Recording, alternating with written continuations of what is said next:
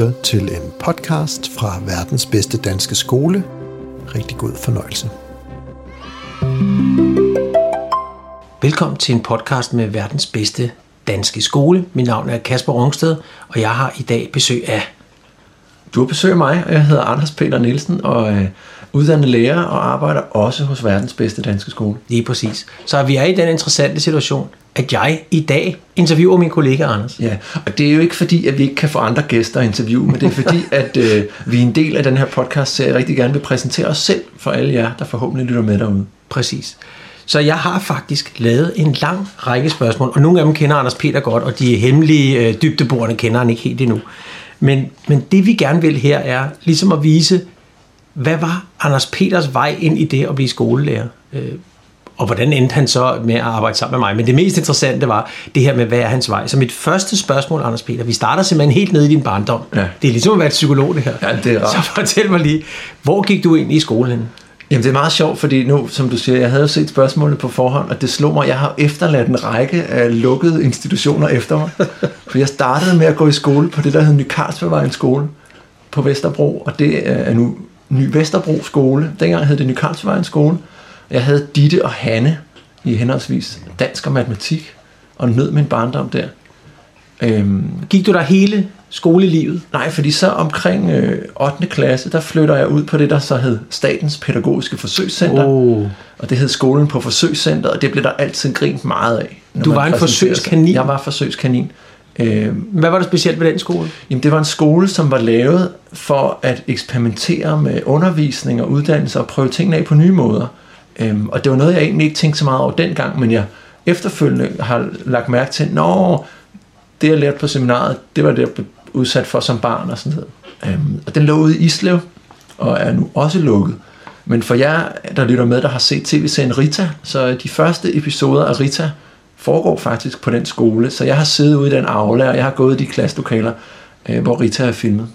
Tager du det personligt, at den er lukket? Ja, men jeg var meget ked af, at den blev lukket, for jeg synes faktisk, det var et rigtig godt sted, og jeg synes, Danmark mangler et sted som øh, SPF, hvor der kan eksperimenteres med læring. Jeg ved godt, det sker ude på rigtig mange skoler, men der mangler sådan et, et sted, hvor man kan gøre det mere, mere sådan, øh, styret og over, ja, det, vi gik der i 8., 9. og 10. klasse, så det Ja. var sådan en treårig periode, vi var forsøgskaniner i. Og det var nemlig kun 8. 9. og 10. Man kunne ikke gå der i 5. nej. Nej, det var ligesom udskoling. Ja. Godt, så Vesterbro skole, så den hedder Ny Vesterbro skole, tror Ja. jeg nok, ikke? Og, og hvad var det, den hed dengang? Ny Carlsberg. Ny Carlsberg. Og så kom Statens Pædagogiske Forsøgscenter. Yes. Ja. Så Og kom så jeg på Falconergården, som stadig findes endnu. Den findes Den findes endnu, ja. inde på Frederiksberg. Som er et gymnasium. Øhm, og gik i gymnasiet der. Og øh, ja, så efter det, så, øh, så hyggede jeg lidt rundt, som unge mennesker nu gør. Og jeg havde en eller anden idé om, at øh, jeg rigtig gerne ville arbejde med at formidle, og jeg har holdt rigtig meget historie.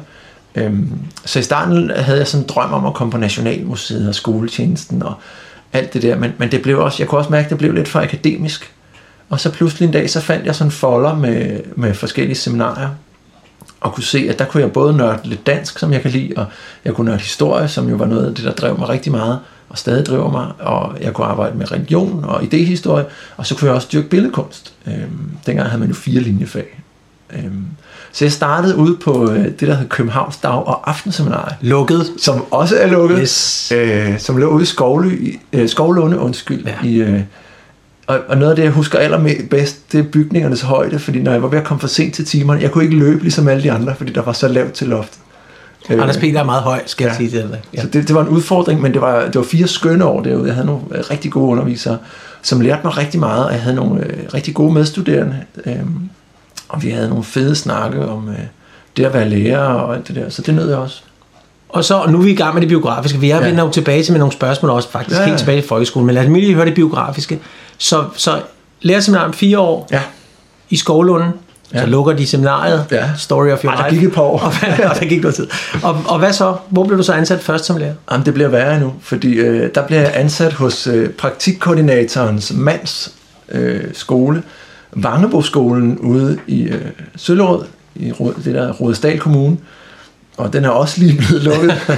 den er blevet lagt sammen med, øh, med en anden skole i kommunen. Og der, øh, Så den eksisterer stadig. den eksisterer Ja, stadigvæk, ja. og det gør de andre sådan set også. Ja. Øhm, men, men han præsenterer mig for stedet en forårsdag, og, øhm, og, og der er sådan et whiteboard-tavle, som det første i... Han, jeg tror, han bilder mig ind, det er kommunen, men det er i hvert fald på skolen. Og jeg kommer der frisk fra seminaret, og han siger til mig, du kan få det her klasselokale med det her whiteboard, hvis du starter her hos mig. Og det vil jeg jo rigtig gerne. Så startede jeg der, øhm, og var der dejligt mange år. Og hvad betyder dejligt mange? Øh, det var egentlig en måde at sige på, at jeg ikke helt kunne huske det. Øh, men øh, jeg er der i hvert fald frem til øh, 13-14 stykker. Og hvornår Jeg startede du? Ja, det var... Det er godt, det er dybdeborende journalistik der. Jeg starter i 07. Okay. Så en år var jeg der i 7-8 år. Ikke fuldtid det meste, men det kommer vi ind på øh, lidt senere. Men øh, der har jeg primært udskolingselever i øh, de humanistiske fag, og så har jeg noget billedkunst, og så er jeg rigtig meget på skolebiblioteket også, øh, og nyder det. Det troede jeg, man skulle være ældre for her. Men det Ja, men øh, skulle man ikke. jeg, jeg kom foran listen. Der var jo sådan en liste med, hvem der skulle på... på øh, det hed jo PLC, men jeg insisterede på at kalde det skolebiblioteket. Men jeg havde arbejdet antikvariat som studiejob, så jeg vidste noget om bøger, og kunne reparere bøgerne blandt andet. Nej, jeg får også ny viden her, vil jeg ja. godt lige understrege. For Og så havde jeg sådan en rigtig god ordning, som idrætslærerne især var vilde med. Ved, at hvis nogen havde glemt tøj, så kom børnene ned til mig og satte bøger på plads. Øh, Og det synes de var tilpas kedeligt, men det var jo ikke meningsløst. Og jeg snakkede med dem, og vi lavede lidt lektier. Så de huskede jo idrætstøj efter et par gange nede hos mig. Det kan jeg jo tage. Du har jeg skræmt dem tilbage i Jeg idrætssagen. Det var skræmte dem tilbage til idræt, ja. Og så efter Vangebroskolen, Jamen faktisk øh, ret hurtigt øh, på Vangebroskolen, der, hvad hedder det, øh, der får jeg øjnene op for noget, der hedder danskhistorie.dk. Og som den opmærksomme lytter ved, så er historie jo noget, jeg interesserer mig for. Øhm, og, og der var så mulighed for at komme ind og være med til at snakke om, hvad indholdet skulle være for en portal til kristendomskundskab. Øh, og der tog jeg ind og øh, sad som, øh, hvad er det, Mads Gerns søn Daniel hedder, så sad jeg der på en trappesten og ventede på, at de kom tilbage fra en tur øh, til de daværende ejere og stiftere af Clio, og den ene af dems mor. Øh, og så, så øh, langsomt blev jeg lokket ind i, i det univers. Jeg siger lokket, så pressede jeg mig selv ind, men det er en, anden, det er en helt anden det, podcast. det er lidt noget med vinklen. Så Det er noget med vinklen, ja. Det er Clio-podcast. det er Clio-podcasten. Øhm, Og det var så, altså det, som blev til Clio, og måske allerede var Clio. Ja, der hed det Clio Online, og så på dengang var det der med online, det var jo det helt store, når man skulle booke EDB-lokalet for at komme Ja, ned. præcis. Øhm, det hedder bare Clio nu. Og så gradvist lavede jeg sådan en skift, hvor jeg arbejdede øh, mindre og mindre på skolen, og mere og mere på Clio. Øhm, og så kom der jo den her arbejdstidsaftale. Altså reformen, synes jeg, nu ved jeg ikke, om jeg tør sige det her i en podcast, lærer og lytter, men jeg synes faktisk, der var ret godt mange gode elementer i reformen, og glædede mig egentlig til det. Øhm, men arbejdstidsaftalen gjorde simpelthen, at jeg kunne ikke arbejde i Rådsdal længere, mm. fordi der var jeg lige flyttet til Vandløse øh, med min familie. Så var jeg nødt til at finde noget andet, og, og så var det oplagt at tage fuldtid på Clio, fordi at, at skolen var lidt i kaos lige derefter. Ja. Så Det var nogle hårde år, det tror jeg. det var nogle rigtig hårde år. Så var jeg på Clio i, i en masse år, 10,5 år. Øh, og nu har jeg så fundet mig en, øh, en specialklasse på en skole i Vandløse, hvor jeg er en dag om ugen og virkelig nyder. Og det er en elevgruppe, som er, er ny for mig at arbejde med, og jeg synes, det er rigtig spændende at arbejde med. Fordi mange af de ting, jeg lærte på seminaret, som jeg aldrig rigtig har fået brugt, fordi at, at det var nogle forholdsvis almindelige og ret privilegerede børn oppe i Søllerød, dem får jeg prøvet af nu, og lærer rigtig meget af det samarbejde, jeg har med mine kolleger, som både er lærere og pædagoger. Jeg har ikke Ja. prøvet at arbejde sammen med pædagoger så tæt før, så Nej, det er for en. det er rigtig spændende. Ja.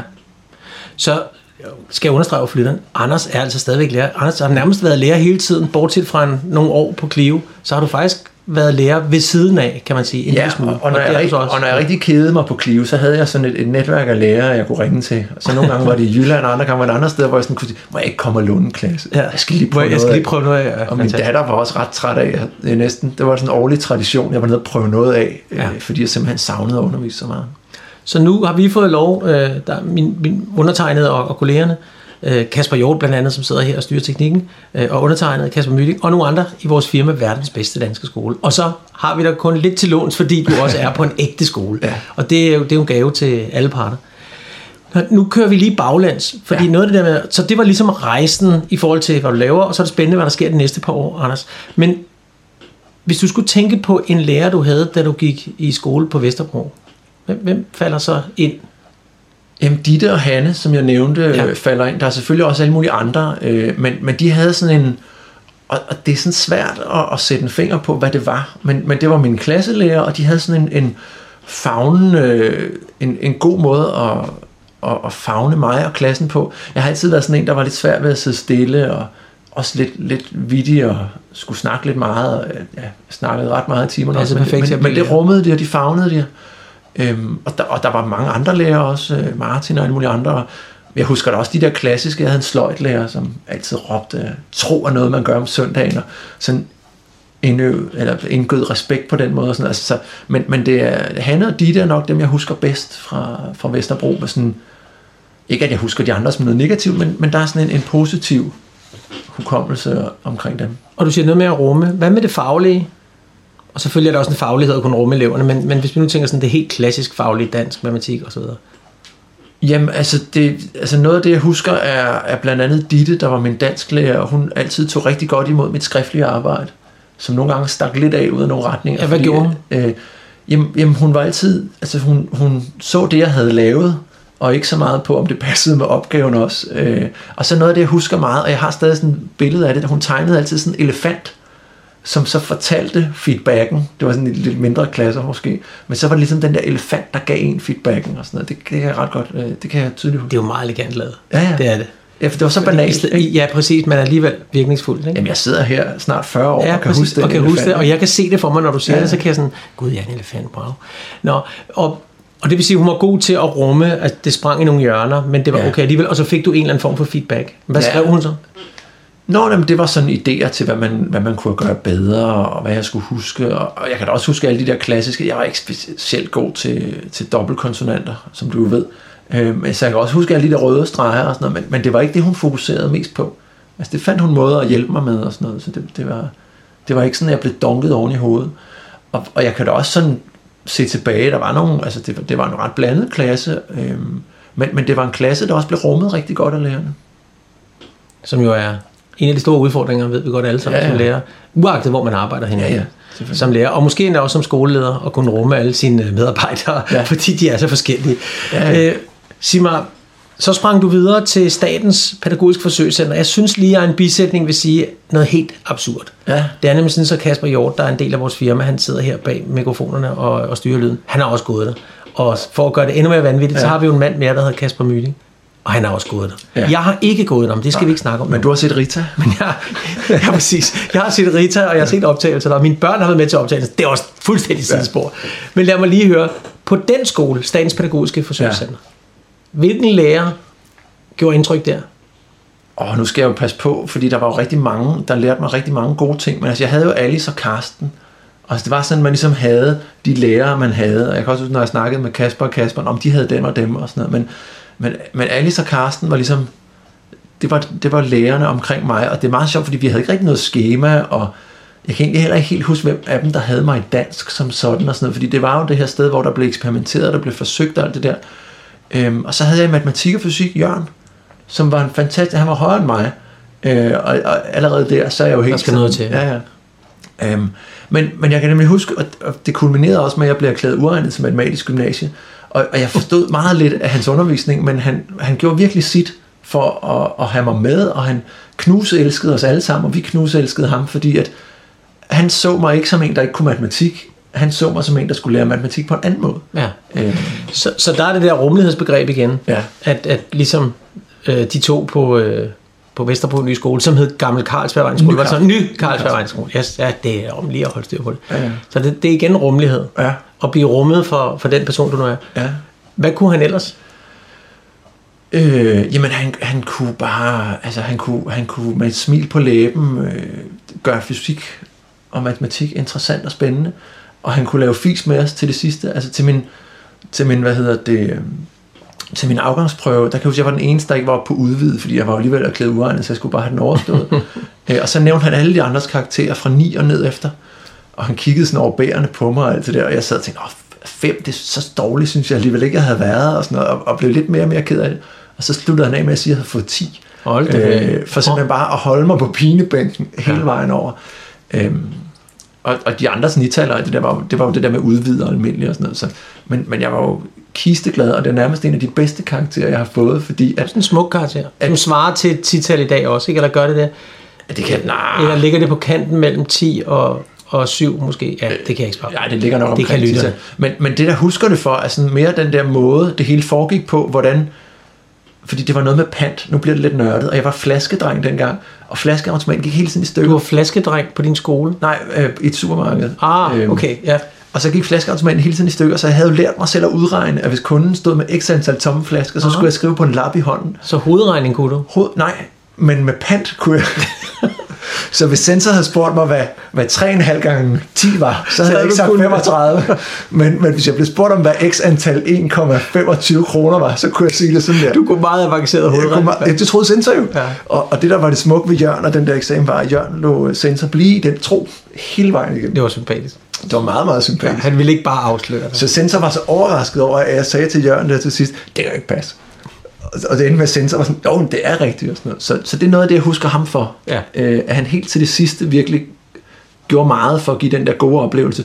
Så var der alle mulige andre. Altså, der var en øh, skolebibliotekar, som lærte mig noget helt guddommeligt, øh, som jeg også selv brugte som skolebibliotekar. Det var lidt sværere for mig, men, men når man sad nede hos ham og ringede ud, det skulle man jo dengang, når man skulle interviewe nogen, hvis man ikke præsenterede sig ordentligt, mm. så lagde han på, så rakte han armen sådan over og lagde på. Mm. Det er også sådan en ting, som jeg virkelig har taget til mig og lært alle de andre børn, jeg har undervist, at når man henvender sig til andre mennesker, så gør man det på en ordentlig måde. Det er jo dybt fascinerende, hvad der sidder fast. Ja, ja. Ikke? For det der, altså jeg kan sagtens leve mig ind i det, øh, det der med, når det var sådan helt konkret Helt ting, og det er konkret. derfor, jeg også spørger lidt til det konkrete, Ja, ja, ja. hvad kunne den lære? Ikke? Nå, jeg tillader mig at tage et spring ja. til seminariet. Ja. Det er nu lukket øh, seminarium, og det er altså hverken genåbnet eller noget, det er bare lukket. Ja. Fuldstændig ligesom mit eget seminarium. Nå, men, men Anders, hvad, hvem, hvilke lærere, hvilke køn eller hvilke lærere husker du tilbage på der? Og der var en, der hed Michael, som nu er på, øh, han er på, hvad hedder det, øh, Campus Carlsberg nu. Ham havde jeg i det, der hed Kristliv, og senere hen også, nej, jeg fik ham faktisk aldrig i øh, religion eller kristendomskundskab, men ham havde jeg i Kristliv, og, og hvad havde, altså, hele det der sådan åndelighed og dimensionerne og alt det der det mellem, mellemmenneskelige og alle de der ting øh, lærte jeg rigtig meget af ved ham. Så havde jeg Kirsten i dansk, øh, som også var fantastisk. Hun afbrød på et tidspunkt en praktiklærer, jeg havde, fordi han overtog min praktikundervisning, det gad hun ikke finde sig i. Øhm, og øh, så var der Lars og Leon, som, som hyggede rundt nede i samfundsfag og historie, som jeg var så heldig at have sådan en delehold i historie. Det var også skønt. Så nogle drevne rotter alle sammen, som, som havde været i gamet rigtig længe, og virkelig havde nogle rigtig gode ting, de kunne lære fra sig. Øhm, så, så, Havde, havde de selv været lærere? Det var lidt blandet, synes jeg, i seminarietiden. Jeg Om tror, lærerne jeg selv havde være været lærere. svar skyldig, men, men, men de virkede som om, de havde styr på det. Ja. Ja. Øh, altså, de, de, de virkede generelt som om, de havde rigtig godt styr på, Okay. hvad det ville sige at være lærer. Ja, så var der øh, selvfølgelig praktikkoordinatoren, øh, må jeg også hellere lige øh, fremhæve, fordi hun var også, også rigtig god. Og hvad lærte du af hende? Nej, det var ikke så meget sådan at lære noget af hende. Det var mere den der måde, hun formåede at fagne på. Igen, der er igen det der med at fagne mm, ja. og rumme, som jeg godt kan lide. Men, men hun var sådan meget ind over, når vi havde store arrangementer, og hun var meget, hun var meget engageret i, at alle fik et godt praktiksted. Ja. Det var et forholdsvis stort seminar dengang, men hun var nærmest på fornavn med alle, og var sikker på, at alle havde et godt praktiksted at komme ud og spurgte ind til, når vi havde været ude. Og sådan. Ja, for det lyder også som om, det er en underliggende værdi, det her med engagementet. Ja. Alle dem, du har nævnt, har også, når jeg har tænkt over, hvordan de kunne være, Ja, ja. Øh, og du har fortalt, så har jeg tænkt, hey, de må have været engageret. Jamen, og det, det er jo sådan noget, jeg også har, har, har set sidenhen, også kan se fra mig selv. Øh, nu skal jeg undervise i matematik her lige om lidt, øh, fordi at den klasse, jeg har, hvad hedder det, lærer skal ud i praktik selv. Så jeg skal have matematik med dem, og jeg har sagt, at jeg ikke kan. Men, men Held og det, lykke. Ja, held og lykke. Men det er også der, hvor jeg igen sådan falder tilbage på og tænker, jamen, de lærere, jeg har haft, det er jo ikke det faglige, det er engagementet, jeg husker det på. Og det er engagementet, der har båret faget også. Øh, Så jeg er egentlig ved at blive tryg ved også at skulle prøve kræfter som matematiklærer nu. Præcis, og så kommer fagligheden, for på et eller andet tidspunkt bliver man jo dygtigere. Ja, altså, det er, hvis- det er kun 6 uagtet uger, så jeg skal nok klare det. Ja, ja, præcis. Jeg er mere bange for børnene, men... Men er du det, Anders? For det er du jo ikke. Nej, det Du kan jeg jo se Anders smile, men det kan I jo ikke høre. Nej, det er Så ikke. Så hvordan er det øh, at have specialklassebørn, om vi var så frække at sætte den ramme? Altså, hvad, hvad kalder I sådan en klasse der? Kalder I det en specialklasse? Ja, det er jo et specielt Så der er jo ingen børn, der vil være specielle. Nej, Men hvad, hvad hedder det, det officielt? hedder gruppe K. Gruppe K. Og det er så hvordan er det at være lærer i gruppe K med en børnegruppe, som måske ikke kan sidde i en almindelig klasse? Øh, almindelige godsøjne, om man så. Jamen, det er skønt. Øhm, og det som, det, som man skal passe på, er jo at sætte alle i en bås og sige, om det er en specialklasse, eller det er et specialspor. Fordi der sidder jo ni forskellige individer, som er unikke på hver deres måde, øh, og som så har nogle ting, man skal tage ekstra højde for. Og, og der kan jeg virkelig godt mærke, at hvis jeg var blevet kastet ud i det, som helt nyuddannet lærer, mm. det tror jeg er væsentligt sværere ved nu, end hvor at jeg godt kan regne ud, om når han reagerer sådan, så er det ikke nødvendigvis, fordi han synes, at Berlinmuren er kedelig. så er det fordi, der er alt muligt andet, så skal man lige trække vejret dybt og sådan Ja. Øhm, Så, som man kan sige, man tager det ikke så personligt. Nej, nej. Øh, og så, så har de jo nogle andre facetter. Altså, det er jo den første klasse, jeg nogensinde har undervist, som, som kunne alle seks lande af kul- og stålunionen.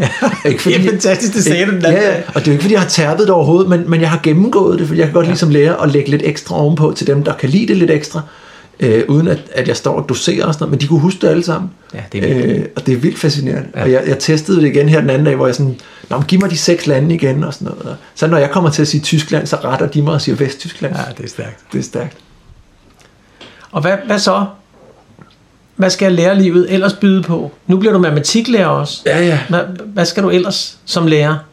Jo, men jeg har da, altså, nu har jeg jo også lavet læremidler, det ved jeg, vi kommer ind på lidt senere. Jeg har også lavet læremidler, altså, så jeg har næsten været alle fag rundt, og det lyder sådan lidt, jeg kan godt selv høre det ikke sådan, altså janteloven er, er ikke lige med i studiet nu, når jeg siger det på den måde, men jeg har, jeg, jeg, jeg, jeg tror noget af det er sådan, ja, det er tysk og, og nogle af de der sprogfag, kunne jeg oh, godt tænke mig at lege lidt mere med, fordi at, Dejligt. at jeg også noget også det, jeg har gået ind i kampen med, og der kunne de så ikke se min citationstegn, men det har været det der med fag, jeg selv har kæmpet lidt med, eller fag, jeg synes selv har været kedelige, har jeg også gjort lidt ekstra for at prøve at gøre spændende for elever. Ja. Øhm, og, og tit også i min tid på Clio, når mine kolleger der mente, at noget var lidt svært at formidle eller et eller andet, så, så meldte jeg mig til at tage det.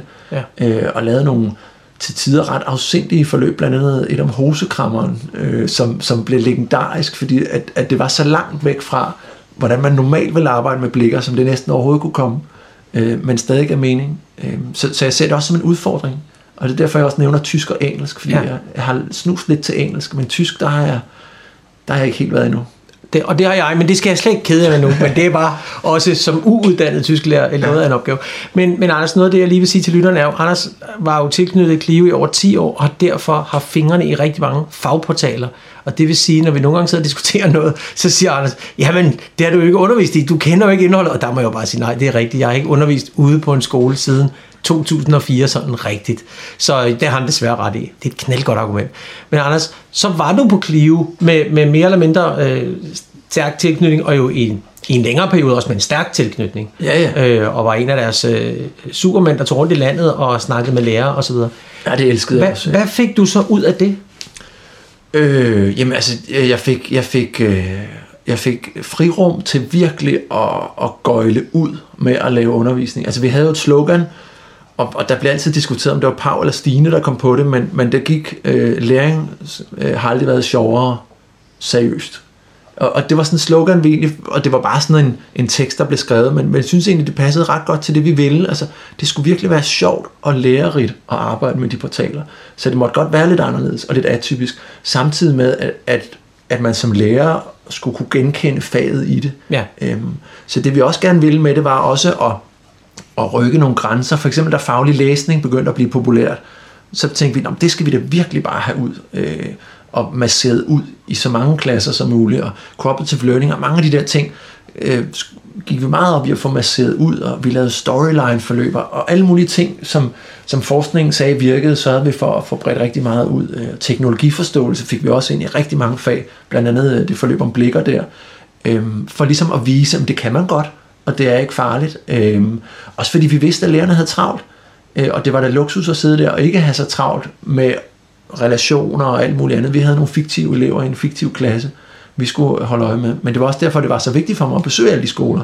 Jeg kunne godt lide at komme ud og få et dask i nakken af nogen, der sagde, prøv har dine børn aldrig konflikter, eller har I husket frikvarter og alt det der. Ja, når du var ude som konsulent for Clio ja. På forskellige skoler, og ja. Fortælle mig, hvordan de skulle bruge det osv. Ja. Så, så vi har talt om det før, du og jeg, men bare ikke i den her podcast. Hvad, hvad var ligesom det, der drev dig, hvis du skulle sætte flere ord på det? Jamen det var det der med at være med til at gøre undervisningen øh, god og læringen sjov og spændende. Øh, og det jeg synes var, var det rigtig gode var, at der findes jo virkelig mange rigtig, rigtig dygtige lærere og pædagoger derude, som jo rigtig gerne, altså de vil jo virkelig gerne lave det bedste undervisning. Så det jeg sådan i min måske naivitet bildte mig ind, var, at hvis jeg kunne være med til at skabe noget materiale, så de ikke behøvede bekymre sig om materialets kvalitet, så kunne de bekymre sig, eller ikke bekymre sig, men de kunne fokusere på alt det relationelle, og alt det sociale, og feedbacken, og alt det der med de børn, de kendte. Og så kunne jeg nørde ned i fagene for dem, og give dem noget materiale, de kunne bruge. Øh, og hvis de ikke kunne lide det, så sørgede jeg for, at der var to-tre alternativer, de kunne bruge i stedet for. Ja. Øh, og det var noget af det, der, der virkelig jeg synes var fantastisk. Og når man så kom ud og mødte de her lærere på læringsfestivaler, skolemesser, eller bare ude på lærerværelserne, og så høre, hvordan de havde brugt det, Ja. eller når man fik en mail ind, øh, jeg havde også en lang tradition med, og, og der hjalp MobilePay altså gevaldigt på det økonomisk, men jeg havde sådan en lang tradition med, at hvis eleverne faldt fejl, så sendte jeg en kasse flødeboller til klassen. Og det var der sådan nogle lærere, så skrev de ind, at nu har de eleverne fundet den og den fejl. Og det var skønt, sådan to syvårige piger, som havde opdaget, at der manglede en grundlovsændring. Og det er jo igen ikke fordi historie skal være udenrigslærer og årstal og alt det der, men, men at nogle elever er så overvågne og så interesserede i stoffet, at de finder ud af nogle af de der ting. Jeg havde også en knæk, der havde opdaget en, en forkert oversat latinsk tekst i sådan en lille boks i den lette version, Ja, sådan et sted, man aldrig finder. Ja. Og jeg elskede, når jeg kunne sende Ja. de der flødeboller ud Ja, til dem. Og nu Ja. er du så et andet sted Ja, også. Ja, og, og, og altså jeg tror bare, jeg er typen, der nogle gange, så skal jeg prøve noget nyt. Og, og, og jeg havde lavet undervisningsmaterialer i rigtig mange år, og, og arbejdet rigtig meget med det, og set, hvad, hvad det ligesom kunne. Og så mødte jeg jo, ja, øh, dig og din kollega Kasper, og sidenhen også Kasper, der sidder her i studiet. Og, og havde egentlig længe gået med den der altså, tanke om, at det kunne være rigtig fedt at lave noget mere for lærerne, og med lærerne, øh, og pædagogerne. Øh, og, og, og det var egentlig derfor, at jeg nu er mere fokuseret på at lave noget, hvor vi hjælper lærerne og pædagogerne med at blive endnu bedre.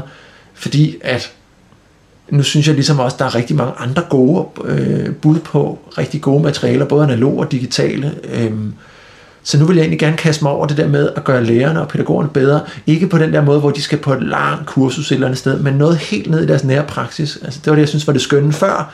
Det der med, om det her, jeg har lavet i dansk, det kan du bruge i morgen. Eller vi kan lige tilpasse det her, jeg har lavet samfundsfag, så kan du bruge det næste uge. Og som vi ved også altid bliver efterspurgt, når Ja. vi er ude og holde oplæg. Hvad, hvad kan jeg gøre med det nu eller i morgen? Ikke? Ja, og det er det, jeg synes er skønt ved, at nu, nu er jeg ikke ude og holde oplæg, hvor jeg siger, jamen om et år, så, får du, så smiler børnene til dig.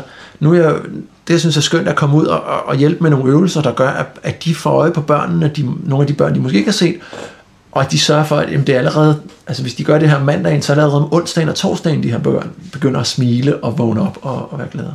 Jeg kommer til at tænke på en opgave, vi lavede, Anders, hvor, hvor øh, vi var over øh, for en efterskole. Ja. Øh, og for den her efterskole lavede vi det, vi kalder relationsoverblik, som ja. Er at systematisere relationerne i et lærerteam. Mm. Og der, der kan jeg bare huske, fordi vi, kørte, vi havde lavet et fint program, og vi kørte den og stod, du og jeg, og, og kørte det.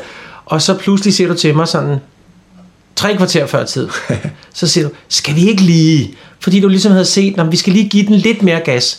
Skal vi ikke lige have dem op at stå, så de også kan nå at gøre noget, som de kan bruge på mandag? Vi havde lavet, de havde lavet en plan, lærerne i deres forskellige teams, men, men vi manglede en sidste øh, ting i det. Jeg kan ikke engang huske, hvad det var. Men, men pointen er bare det der med, at det, det var også min fornemmelse, at du er meget drevet mod, at de skal kunne bruge det med det samme. Ja, det skal virke, og det skal kunne bruges med det samme. Ja. Og det er også det, jeg synes har været det skønne ved at lave digitale læremidler, og derfor er jeg også stadig sysler lidt med det, fordi at, at det kan man bare udgive ret nemt. ja. Og Og det er en distributionen af det er også ret Ja, det er noget andet at udgive en bog. Ja. Så bare for at forklare læreren, du tager altså ud og laver, og pædagogerne og skolelederne, hvem der sidder og lytter, øh, du laver kurser ja. Alene sammen med os, Ja. øh, hvordan det nu end er i en eller anden konstellation. Mm. Og så er der jo også det med den her online platform. Ja. Fortæl lige om den. Jamen det er jo den her digitale platform, som også var noget af det, som, øh, som fik mig overvist om, at jeg skulle lege mere med jer. Som jo går ud på at skabe det her univers, hvor at, at lærerne kan finde, og pædagogerne kan finde det, de har brug for. Og det var også det, jeg synes var det skønne ved Clio, at vi havde så afsindig mange tekster, at hvis man havde lyst til at arbejde med det ene, så gjorde man det, og hvis man havde lyst til en vinkel af det, så kunne man vælge den. Øhm, så det, jeg synes er det, er det spændende ved den her portal, vi er i gang med, det er det her med, at der er ufattelig mange forskellige måder at gå til det på. Lidt ligesom de der elever, hvor at jeg nemt bare kunne sige, at det, er det er gruppe K. Men i virkeligheden er det ni forskellige elever, der sidder i gruppe K. Ja. Øhm, og sådan er det jo også ude på et lærerværelse, der sidder måske 60, 70, 100 forskellige lærere og pædagoger.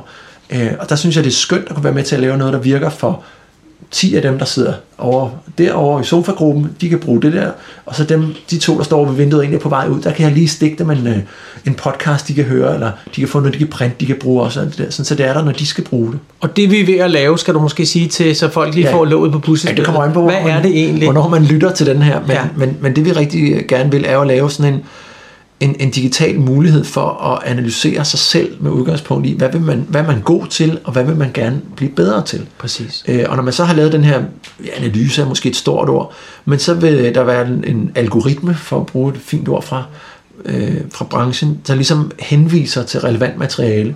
Så for eksempel, hvis jeg skulle øh, ud og arbejde med, med den her gruppe K, og havde svært ved det der med relationsdannelser, så kunne jeg plotte ind, at jeg har svært ved at danne relationer med en enkelt elev. Og så vil jeg blive anbefalet en video eller en podcast som den her, måske ikke lige den her, men en anden, øh, og, og noget relevant læsestof og nogle øh, håndgribelige øvelser, jeg kunne lave, sådan, så jeg enten alene kunne forbedre mig, eller jeg i teamet kunne gøre det bedre. Præcis. Og det er, det, det er interessant nok, så har, oplever vi i hvert fald, at der ikke findes så mange hjælpemidler. Der findes rigtig mange gode faglige hjælpemidler, men ikke så mange kompetenceudviklingshjælpemidler endnu. Det er nok noget, der boomer her de næste par år. Jamen, og de findes jo også, men tit så er det sådan one size fits all. Øhm, og, og det er jo også godt nogle steder, hvis man vil sådan kickstarte en større proces på en skole eller en kommune, men, men jeg oplever også bare rigtig mange lærere og pædagoger, der har brug for noget, der lige passer til dem Ja. og den klasse, de har. Ja. Og det kan være, at det så er en pære den ene dag og en banan den anden dag. Ja. Øh, og der synes jeg, det er herligt at være med til at, at bygge den her grønhandel op, ja. hvis man kan sige det sådan. Det var en meget smuk metafor, Ja. Anders, vi skal til at runde af. Ja. Men inden da, så vil jeg faktisk spørge dig, hvad er den bedste, eller vigtigste, eller mest interessante øh, bog, du har læst, som har gjort noget for dig som lærer? Oh, den var svær. Øh, som de siger i mandrilertalen, der ville jeg godt have haft lidt mere forberedelsestid. Øhm, altså, jeg har, jeg har holdt meget af, af Thomas Sige, øh, og det der med den gode anderledeshed. Øhm, og, og Altså alle, der har gået på, øh, på professionshøjskole eller Ja. ja. lærerseminaret i 70'erne, 80'erne og 90'erne, ved, hvad Anders taler om. Ja. Jeg er faktisk ikke sikker på, om man taler om det længere. Det gør man sikkert. Måske, en meget vis mand, man gik- snakker jeg- om hele tiden. jeg gik jo op i nullerne, men, men Ja, det der med, at ja, man skulle sørge for, at eleverne oplevede noget, der også var anderledes. Ja. For at forstyrre og forvirre dem og sådan noget. Øhm, Det var jo ikke en bog. I kan godt høre, han taler udenom. Ja, men jeg taler udenom. Øhm, Så Thomas Sige, Ja, øhm, så, altså Per Fibeks, øh, den autentiske lærer, som jeg altid for at drille min da, daværende seminarlærer omtalt som den autistiske lærer, fordi at man nemt lige kan lave den, øh, den læsefejl, når man læser hurtigt, den kunne jeg også rigtig godt lide. Øh, fordi den netop handlede om det der, med, hvad, hvordan er du en ægte lærer? Og, og hvordan, altså, ja, hvad betyder det Ja. overhovedet? Ja, fantastisk bog. ja, Per Fibæk, som jo var forfatter til mere end 45 bøger. Altså tænk lige engang. Ja, og- 45 bøger. Og vi har endda også lavet en masterclass. ja, Vores ja kollegaer er en gået på pension nu her. Yes. Vores store, en af vores store helte, tror jeg godt, vi kan sige. Så Ja. den autentiske lærer, den kunne, du, den kunne man godt læse stadigvæk i dag. Ja, og så læser jeg så har jeg læst en amerikansk bog, øh, og er i gang med nummer to af en forfatter, der hedder Weston Kiesnick, øh, som jeg oplevede på et oplæg engang, øh, som handler om at være modig. Den Ja. hedder Bold School, og det handler om, hvordan man er modig og tør prøve noget nyt af.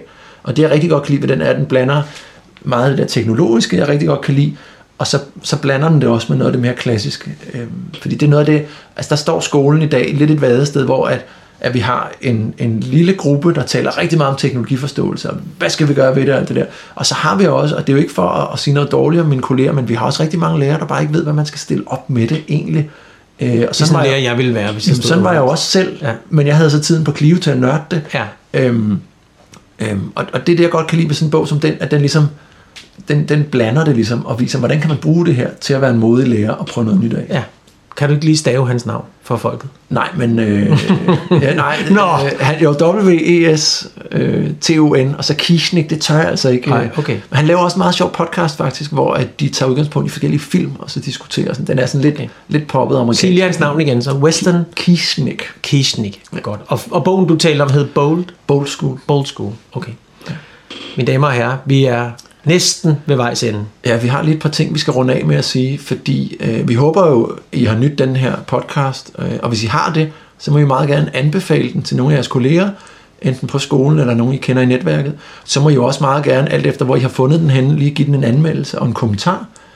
Så er I meget, meget velkomne til at finde os på de sociale medier. Vi er på de fleste af dem efterhånden. Øhm, Og det er under navnet verdens bedste danske skole. Ja, øh, og, og vi er på alt undtagen Snapchat. Øh, Og så er I også meget velkommen til at bare sende os en mail på info verdens bedste danske skole, hvis I har lyst til at blive tilmeldt vores nyhedsbrev, eller har nogle spørgsmål, eller et eller andet andet. Man kan også skrive direkte til dig, Anders, på Anders snabelag, verdens bedste danske skole, faktisk. Ja. Så er det rigtig personligt. Det, det kan man også, ja. Øh, og så tak fordi I lyttede med. En stor fornøjelse. Ja. Tak for det.